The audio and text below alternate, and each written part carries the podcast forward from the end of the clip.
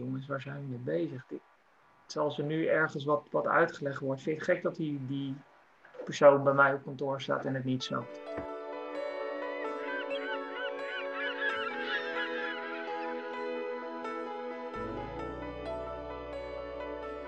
Ja, daar zijn we weer met een nieuwe aflevering van onze Zwermpodcast Wat bedoel je? En allereerst, wat waren de reacties op de brief die ik van de minister had gekregen en waar we het vorige keer over hebben gehad? Wat waren die reacties geweldig? Heb je de podcast nog niet geluisterd? Luister hem nog even terug, want reageren op die brief kan nog steeds. Fijn Paula, fijn Sanne dat jullie er ook weer zijn. En zoals elke keer als we beginnen, maar meteen de vraag: heb je nog wat meegemaakt? Ik heb wel wat meegemaakt. Uh, ik heb afgelopen week namelijk een werksessie gehouden met een hele grote groep juristen. 18 ehm, om precies te zijn, officieren van justitie, rechtercommissarissen, strafrechters, strafadvocaten. En wij hebben ons gebogen over de informatie die een verdachte krijgt als hij uh, wordt opgepakt door de politie. Mhm. Dat is een informatieblad van vier pagina's. Daar zal ik verder niet over uitweiden. We hebben ons daarover uh, over gebogen en het bijzondere is wat, daar, wat we eigenlijk allemaal concludeerden, waar iedereen het over eens was. Dit informatieblad dit is geschreven om vanuit de interne organisatie te kunnen afvinken dat je alles erin hebt gezet wat je erin moet zetten vanuit de wet. De echte vraag, wat moet ik vertellen, dat staat er allemaal wel in. Dat staat er allemaal in, inderdaad. Ja. Maar vervolgens ontstond er een discussie van, ja, maar weet je, wat is nou eigenlijk het doel van, deze, van dit informatieblad? Mhm. Is dat informeren en dus inderdaad gewoon zeggen, dit en dit en dit en dit. Hup, wij hebben nu geïnformeerd, wij hebben gezegd wat er allemaal in moet staan. Of willen wij dat de verdachte er ook iets mee kan? Willen wij activeren? Willen wij het vertalen naar die verdachte? Ehm, en daar hebben wij dus een hele mooie discussie over gehad. Daar gaan we ook nog een andere podcast over houden. Maar in ieder geval zie je dus wat er gebeurt, is dat je dus vanuit jezelf en de wetgeving schrijft, als het gaat om juridische teksten ook. Ja. En niet vanuit wat die verdachte nodig heeft. Nee, de vraag, what's in it for them? Om maar eventjes een mooie Engelse term, te, die, daar, daar, vanuit die gedachte wordt eigenlijk niet geschreven. Ik zie Sanne knikken. Ja. Ja, omdat het aanhaakt bij wat ik heb meegemaakt uh, deze week. Uh, ik, heb, ik moet weer eens even lekker met mijn uh, voeten in de klei. Ik uh, mag een, um, een kick-off sessie leiden volgende maand. En daar gaan we het ongetwijfeld nog over hebben in de podcast ook. Het is een kick-off sessie voor het taalpact voor uh, de Duin- en Bollenstreek. Uh, nou, klinkt allemaal vreselijk ingewikkeld, maar het betekent eigenlijk dat we uh, dat, dat verschillende organisaties, werkgevers, instellingen, welzijn, ambtenaren, allemaal gaan nadenken over helder taalgebruik en communicatie met de inwoners van de Duin- en Bollenstreek, inclusief de laaggeletterden. Dus aandacht voor laaggeletterdheid en op welke manier we dat willen gaan vormgeven. Nou, zo'n taalpact, jongens, dat ambtenarengedoe. Ik word daar altijd bij voorbaat al moe van. uh, maar wat ik moet doen, en dat is, dat is, daarom dacht ik aan die opmerking van jou, Paula, van uh, what's in it for them. Ik moet nu gaan nadenken over hoe ga ik nou die mensen die wij bij elkaar halen, inspireren um, hen het gevoel geven dat zij een verschil kunnen maken voor de inwoners van de Duin- en Bollenstreek. Uh, en hoe ga ik weer even als een helikopter boven de materie hangen van laaggeletterdheid, taalonderwijs, formeel onderwijs, informeel onderwijs, wat mijn dagelijks werk is. Uh, en, en weer eventjes voor mensen die er niks van weten, uitleggen waarom het zo belangrijk is dat we hier aandacht aan besteden. Uh, ik denk dat het heel zinvol is dat je af en toe als professional boven de materie gaat hangen. Ja. En even denkt, oké, hoe ga ik dit nu uitleggen aan iemand die hier niks van weet? Ja, ja ik mag zelf weer eventjes, uh, nou ja, dat het doen. Speelveld in. Ja. Hartstikke mooi. Ik heb er natuurlijk ook van alles meegemaakt, maar daar gaan we nog even mee wachten. Want het is de eerste podcast waarin we ook echt een gast hebben. Uh, ja, want wij hebben vandaag uitgenodigd, en daar zijn we super blij mee in onze podcast, uh, Jordi Tjoer van het Juridisch Loket. Welkom Jordi. Ja, dankjewel. Goedemorgen, Lodewijk. Ja, we hebben net, uh, ja, goedemorgen inderdaad. We hebben uh, net met elkaar uh, al een beetje gepraat over juridische teksten. Paula die vertelde ook dat ze het een en ander heeft meegemaakt daarvoor. Maar voordat we daar verder op ingaan en de ingewikkeldheid misschien soms van die teksten, kan je even uitleggen, wat is het juridisch loket? Ja, het juridisch loket is een landelijke stichting, semi-overheid. en eigenlijk bedoeld voor uh, gratis juridisch advies en voorlichting. Um, dus echt de typische ja, eerste lijns rechtshulp waar mensen kunnen aankloppen. Um, ja, eigenlijk zijn we heel breed in waarin we adviseren. Behalve ondernemingsrecht en vermogensbeheer, dat is uh, niet wat we doen. Uh, maar verder, ja, eigenlijk in de breedte. Of het nou over je arbeidscontract gaat, huurcontract, je verblijfsstatus, problemen met je verzekering over een polis. Uh, ja, eigenlijk in de breedte kunnen mensen daar bij ons voor aankloppen. En iedereen kan bij jullie aankloppen dus? Uh, nou, er zit in die zin wel een onderscheid in dat uh, eigenlijk wij voornamelijk werken voor een doelgroep die qua inkomen tot een bepaalde grens zit. Hè, dus de, de, wet op de gefinancierde rechtsbijstand, heet dat ook wel mooi genoemd. Ehm, even simpel gezegd, voor een alleenstaande met een inkomen tot 28.000 euro bruto en um, voor een, een, een alleenstaande ouder of samenwonende tot 40.000 bruto kan er 100 eh, euro naast zitten. Uh, de grenzen worden altijd verhoogd per 1 januari. Um, dat is eigenlijk de doelgroep die bij ons binnen kan komen en waar we ook kunnen zeggen, nou, als, het, als er bijvoorbeeld een afspraak moet worden gemaakt, dan kunnen we daar vervolg aan geven. Zit je boven die grens, kun je normaal gesproken wel gewoon bij ons binnenlopen in de, bij de inloopspreekuren. Um, zit je boven die grens, krijg je aan de balie een eerste richting of een advies. En dan ja, moeten mensen in principe daar zelf mee verder kunnen of een eigen rechtsbijstand inschakelen. En jullie zijn een landelijke organisatie en ik hoor, ook, ik hoor je ook zeggen, mensen kunnen bij ons binnenlopen. Jullie zijn echt een fysiek loket. Of hebben jullie ook digitale ingangen? Ja, eh, normaal gesproken allemaal. Verschillende kanalen. Nou ja, door de corona zijn we helaas nu uh, genoodzaakt gesloten. Ehm, dus de, de, het, kanaal via bellen en e-mail is, uh, is eigenlijk wat nu wordt gebruikt. Maar onder de normale dienstverlening hebben we inderdaad een inloopbalie een aantal uh, dagdelen per week of een aantal dagen. Ehm, spreekuren waar we mensen kunnen inboeken. Mensen kunnen ons bellen, uh, telefonie, e-mail en we willen dit najaar ook nog gaan starten met videobellen. Ja. En we zijn eigenlijk wel online bezig om ook de groep die officieel zeg maar boven die grens zit, dus wat meer zou het kunnen zeggen, wat meer zelfredzame burgers, noemen ze dat dan. Uh, om die online eigenlijk ook zo goed op weg te kunnen helpen met de website, dat ze ook al een heel stuk uh, aan informatievoorziening kunnen krijgen. Nou, je raakt natuurlijk dan meteen uh, het thema waar, waar wij het over hebben in deze, in deze podcast. Want al die kanalen, allerlei informatie, hoe zorg je ervoor dat dat toegankelijk is? En jullie zullen vast ook wel vaak, en misschien heb je dat zelf wel eens, met de vraag te maken hebben dat mensen zeggen, wat bedoel je? Oh ja, zeker. Herken je dat? Ja. Tuurlijk, ja. Uh, ja, ik zeg dat juristerij is af en toe een beetje een taal waarmee je worstelt om het aan mensen uit te kunnen leggen. Is ook onderdeel van je werk, hè, om iets te kunnen uitleggen dat je, dat je ook aan mensen ziet dat ze het begrijpen. maar ja, speelt echt wel mee. bijvoorbeeld op onze website zijn we de afgelopen jaar echt omgeslagen. En onze webredactie is echt naar een BE-niveau gaan schrijven. Um, levert nog wel eens wat, uh, wat discussies op tussen de webredacteur en de juristen. Want, Vertel eens, wat voor discussies zijn dat? Nou, bijvoorbeeld een webredacteur zegt dan van je moet gewoon zeggen mijn contract is gestopt. Um, als mensen daarop zoeken. Maar in het arbeidsrecht heb je heel veel verschillende manieren hoe een contract kan eindigen. En verschillende termen betekent ook, moet je via het UWV dat doen, moet je naar de rechter, doe je dat samen in overleg met je werkgever. Uh, da daar kunnen vijf, zes verschillende termen spelen die je eigenlijk niet kan vangen in het woordje stopzetten van je contract of mijn contract is geëindigd. Nou, dat zijn af en toe wel eens de, dat is denk ik een prima voorbeeld hoe, hoe voorzichtig wij af en toe moeten zijn in hoe we het op een website ook vermelden. Um, hoe lossen jullie ja, dat, dat is de worsteling. Hoe lossen jullie dat dan op?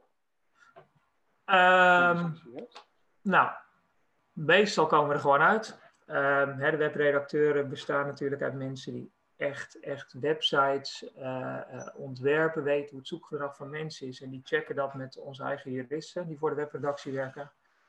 Uh, ja, iets andere formulering, of het voorbeeld iets anders maken, of de mhm. voorbeelden die niet voor verwarring kunnen zorgen, En met verwarring bedoel ik juridisch de verkeerde conclusie trekken. Hè? Dat die mensen niet bijvoorbeeld zich pas te laat bij ons melden, waardoor we niks meer met de zaak kunnen. Um, dan wordt er gekozen om een aantal van die voorbeelden wel op de website te zetten. En als het echt niet te ondervangen is, dan adviseren we bijvoorbeeld met een pop-up om te zeggen van, nou, staat uw voorbeeld er niet bij, belt u even met het loket, want dan kunt u meer uitleg krijgen over de situatie. Dus daar zitten we heel erg op, ook met beslisbomen achter de schermen, waar we op, op checken van, ja, wat is wel goed uit te leggen op de website voor mensen? En waar maken we ook geen fouten? En wat zou je misschien nou ja, voor een klein deel gewoon niet moeten plaatsen? Ja. Dus daar zitten we nu heel erg op om, om het zo begrijpelijk mogelijk te maken voor mensen. Ja, wat goed zeg. Ja, fantastisch om te horen. En als je ook uh, vervolgens belt dan iemand, dan kan ik me ook voorstellen, zijn die mensen die dan aan de telefoon zitten, zijn die ook getraind op de juiste woorden gebruiken? Hoe, hoe werkt dat dan? Ja, ja, eigenlijk. Hè, we hebben ervoor gekozen dat uh, in principe alle juristen, ons alle juridische medewerkers doen alle soorten diensten.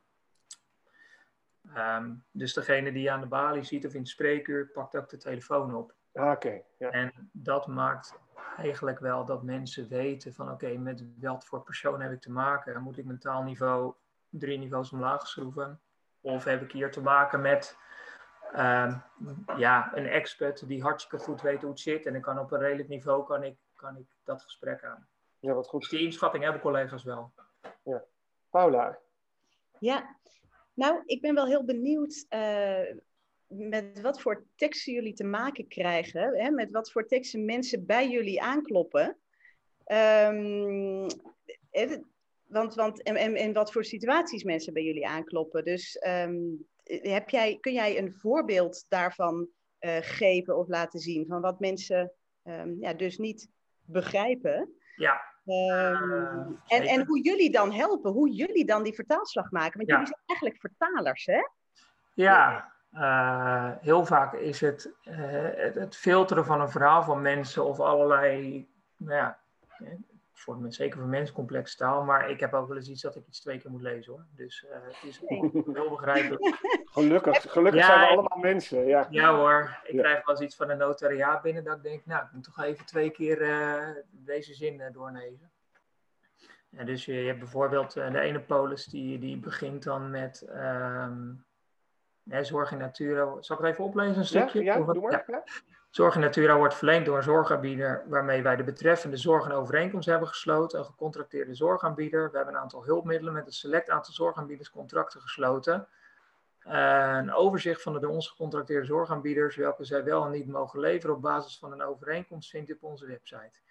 Moet je eens voorstellen dat je of misschien laag geleverd bent of je net een paar jaar in Nederland bent en deze ja. polis voor je neus krijgt, dan snap ik heel goed dat mensen niet zo goed weten wat er nou bedoeld wordt. Nee. En, en, dat je ook nog eens naar een website wordt doorverwezen. Je hebt helemaal geen antwoord op je vraag. Nee. Precies. En als ik dan bijvoorbeeld even de, uh, de polis van een andere grote verzekeraar erbij uh, haal. Wat zijn de voordelen als u naar de gecontracteerde zorgverlener gaat? En dan krijg je gewoon een paar bullet points met de gecontracteerde zorgverlener. Stuur de rekening direct naar ons. U merkt daar niets van. Ja.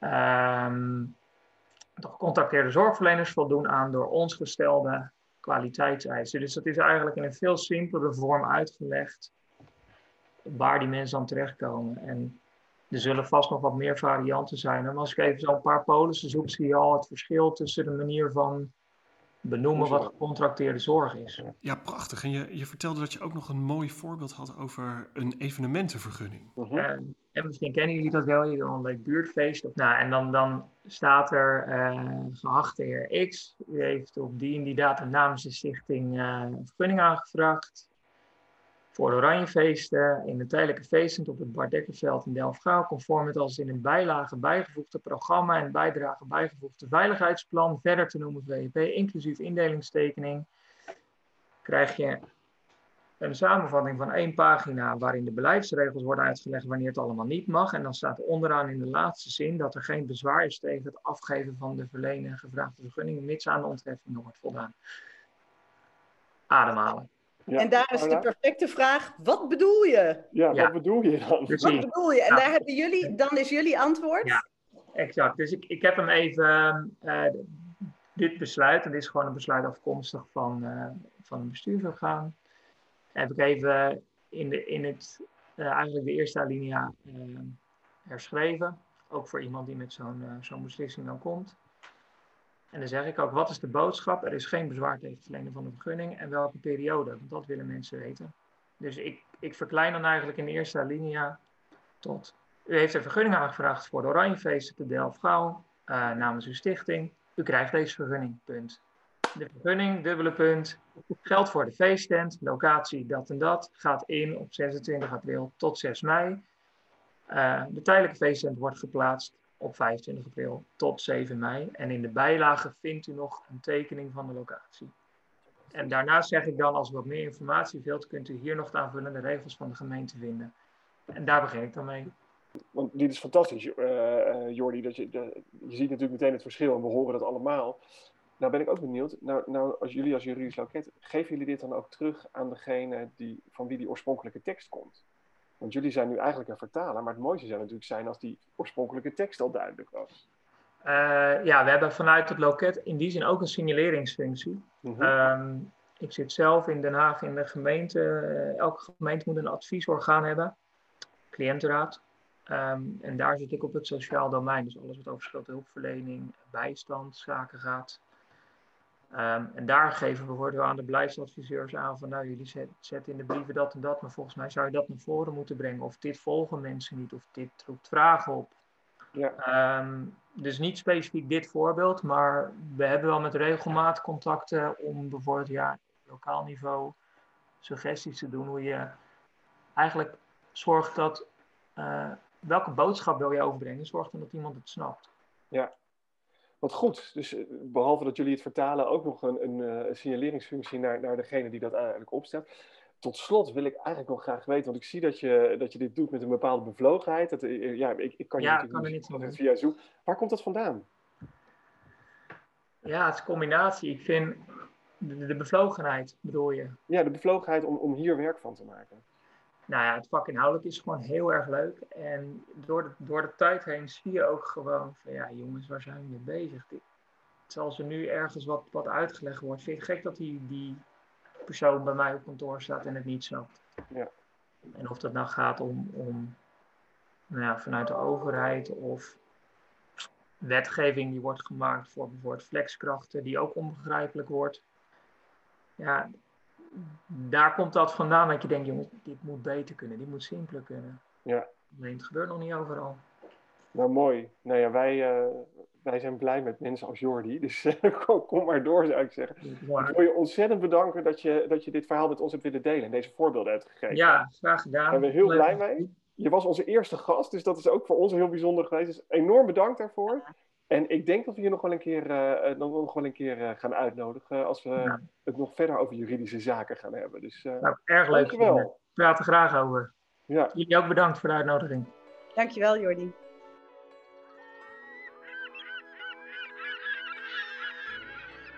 Jongens, wat leuk om met iemand te praten die, die het zo van dichtbij ook gewoon dagelijks bijna meemaakt. Ik vind dat echt fantastisch om te horen en ook hoe ze daar werk van maken. En ik snap ook echt hoe complex dat soms ook kan zijn ik vind het zo mooi om te horen, er is discussie over. We hebben het er met elkaar over. En ik denk dat dat ook echt een eerste stap is. Je hoeft niet per se het direct te kunnen, of maar als je je er bewust van bent en met elkaar erover praat en elkaar helpt, ja, dat vind ik fantastisch om, uh, om te weten.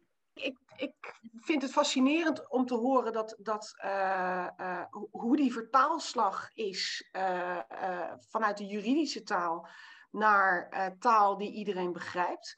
Ehm, en het heeft natuurlijk enorme gevolgen? Als je, of kan enorme gevolgen hebben uh, als je uh, een contract of een, uh, een, beëindiging van een contract of een polis net verkeerd begrijpt. Ik vond het heel interessant om daar eens over na te denken. Want ik, ja, ik kan me heel goed voorstellen dat mensen hier, um, dat juristen het heel, heel moeilijk vinden om, om in begrijpelijk Nederlands of in helder Nederlands te schrijven. Um, fijn dat er dus mensen zo heel erg mee bezig zijn, maar ik snap wel dat daar nog heel veel werk te verzetten is. En dat je niet, ja, dat je, dat je soms dingen ook gewoon één op één moet uitleggen, dat je niet alles in een tekst kunt vangen. Nee, dat vind ik ook interessant. Ik weet, ook, ik weet ook zeker dat dit niet de laatste keer is dat we over dit, uh, dit dilemma uh, in onze podcast praten. Ik zou het ook heel leuk vinden, naar de mensen die luisteren naar onze podcast, vertel eens, wat is jouw ervaring? Of wat, hoe heb jij het opgelost? Of heb je een hele mooie, heel mooi voorbeeld van waarin je naar aanleiding van zo'n discussie een hele goede oplossing hebt gevonden? laat het ons weten. En wie weet uh, nodigen we je uit voor de volgende podcast en kan je daarover vertellen. Lijkt me heel erg leuk. Ja. ja, ik denk dat, dat het vooral heel erg interessant is om positieve voorbeelden uh, vanuit jouw eigen professie uh, te delen. Dus nou, nu hebben we, het, hebben we gesproken met een jurist. Uh, ben je nou zelf jurist of, of advocaat? Of ben je met dit soort zaken bezig? Met het opstellen van contracten, het verlenen van vergunningen? En kom je goede voorbeelden tegen? Deel ze dan met ons. Want wij delen het weer graag met alle andere luisteraars. Dat is eigenlijk waar het hier over gaat, over die zwerm. Ja. Dat we de best practices, om het maar eens in goed Nederlands te zeggen, met elkaar delen. Ja, heel mooi. Wat fijn. Geweldig. Zo, zo. Ja. Lekker hè? Ja. De derde aflevering. Ja. Op naar mooi. nummer vier. We spreken elkaar volgende keer weer. Tot snel. Doei. Dag. Dit was aflevering 3 van Wat bedoel je? Een podcast van De Zwerm. En De Zwerm, dat zijn wij. Sanne Boswinkel, Paula van Gemen en Lodewijk van Noord. Laat je reactie achter op onze LinkedIn-pagina of via Twitter. En je kan deze podcast niet alleen via onze website luisteren, maar ook via Apple of Spotify. Tot de volgende keer.